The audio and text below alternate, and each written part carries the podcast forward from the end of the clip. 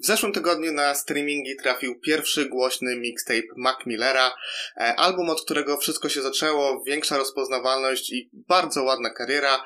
Kids, czyli Kicking Incredibly Dope Shit to krążek, który w sierpniu tego roku będzie obchodził swoje dziesiąte urodziny. E, niewiele jest albumów, które bardziej kojarzą mi się z beztroskimi e, letnimi miesiącami w liceum, gdy niewiele robiło się już w szkole, gdy chodziło się tam tylko po to, by spotkać się ze znajomymi, ewentualnie by wyjść z nimi po lekcjach do knajpy. Słońce, stosunkowo niewiele obowiązków, ogniska i właśnie Mac Miller, który często przygrywał mi z MP3.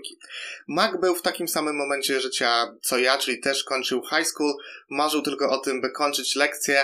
On co prawda jeszcze ja jarał na, na potęgę, o czym nawijał w wielu kawałkach, z czego najlepiej wyszedł mu chyba refren e, w Outside.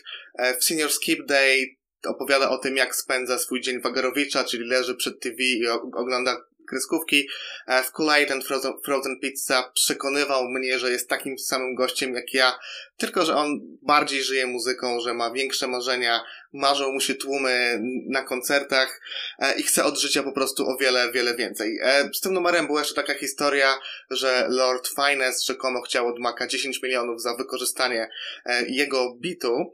E, bez, bez jego zgody. E, panowie doszli co prawda do porozumienia za kulisami i nie wiemy ile Mac musiał zapłacić, a zapłacić na pewno musiał, e, ale członek DICT na pewno zachował się nie po hip-hopowemu, bo przecież nie ma nic piękniejszego niż mixtape na kradzionych bitach i szkoda, że ta tradycja i ta forma umarła w Polsce. Fajnie byłoby jeszcze posłuchać na przykład Białasa, który kiedyś nagrywał właśnie na kradzionych bitach Tetrisa, czy, czy wielu, wielu innych raperów, którzy kiedyś sięgali po tę formę i nagrywali po, po pod znane bity.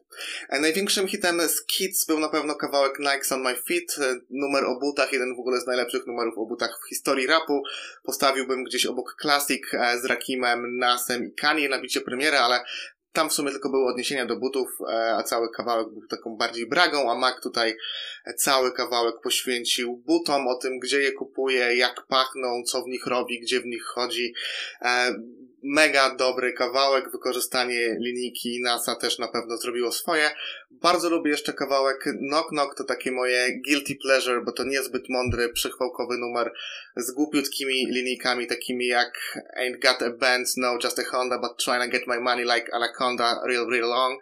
E, ma też taki bardzo nastolatkowy teledysk, ale bardzo sympatyczną postacią e, był wtedy Mac.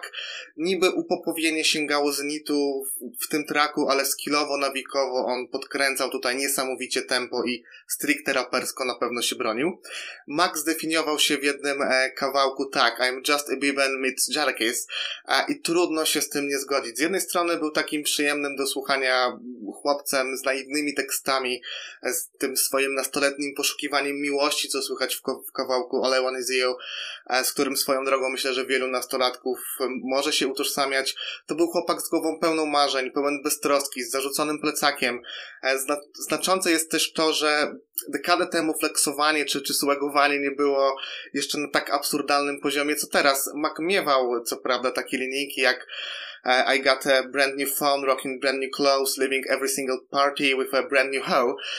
Ale nie było to aż tak ofensywne, nie było to pisane z perspektywy buca, czy tylko po to, by, by sprawić, że inni mają poczuć się źle. E, to jeszcze nie były te, te czasy z wymienianiem brandów modowych w niemal każdej linijce i może dlatego ta biberowska strona Maka była tak e, sprawna i tak E, dobra do, do, do strawienia. Z drugiej strony była ta Jadakisowa strona, chociaż może to niewielka, taka, taka, wiecie, tycia przesada z tym, z tym Jadakisem. W każdym razie chodzi o to, że Mac miał swoją bardziej hip-hopową stronę. Nikes on My Feet są tego przykładem, podobnie jak Good Evening, gdzie on się przedstawia z raperskiej strony. E, biciki takie jak właśnie Kolejny Frozen Pizza też Mac potrafił sobie odnaleźć i odnaleźć się na nich, więc lekcje z hip-hopu miał na pewno od, od, odrobione, chociaż na pewno spłacanie hip-hopowych długów nie było i bardzo dobrze e, jego celem. E, z ciekawostek Kids e, miało wpływ na polski rap, bo przez wizerunek Maka pojawiło się kilku chłopców, e, takich kolorowych chłopców z plataczkami i tutaj na czele oczywiście stał BRO, który miał ten vibe, co? I nagrywał takie dość słabiutkie pioseneczki, co w sumie dalej robi. Um, oczywiście Mac po Kids niewyobrażalnie się rozwinął, przeszedł daleką drogę i przeistoczył się w prawdziwego artystę, w gościa, który wiedział jak ładnie zaśpiewać, e, wiedział jak ładnie opisywać kobietę na, na swoim e, przedostatnim bodajże albumie. Ostatnie jego krążki w ogóle były już naprawdę bardzo solidnymi krążkami, które zasługiwały na, na najwyższe oceny.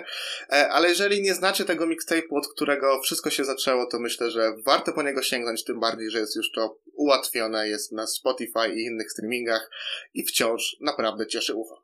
Dzięki.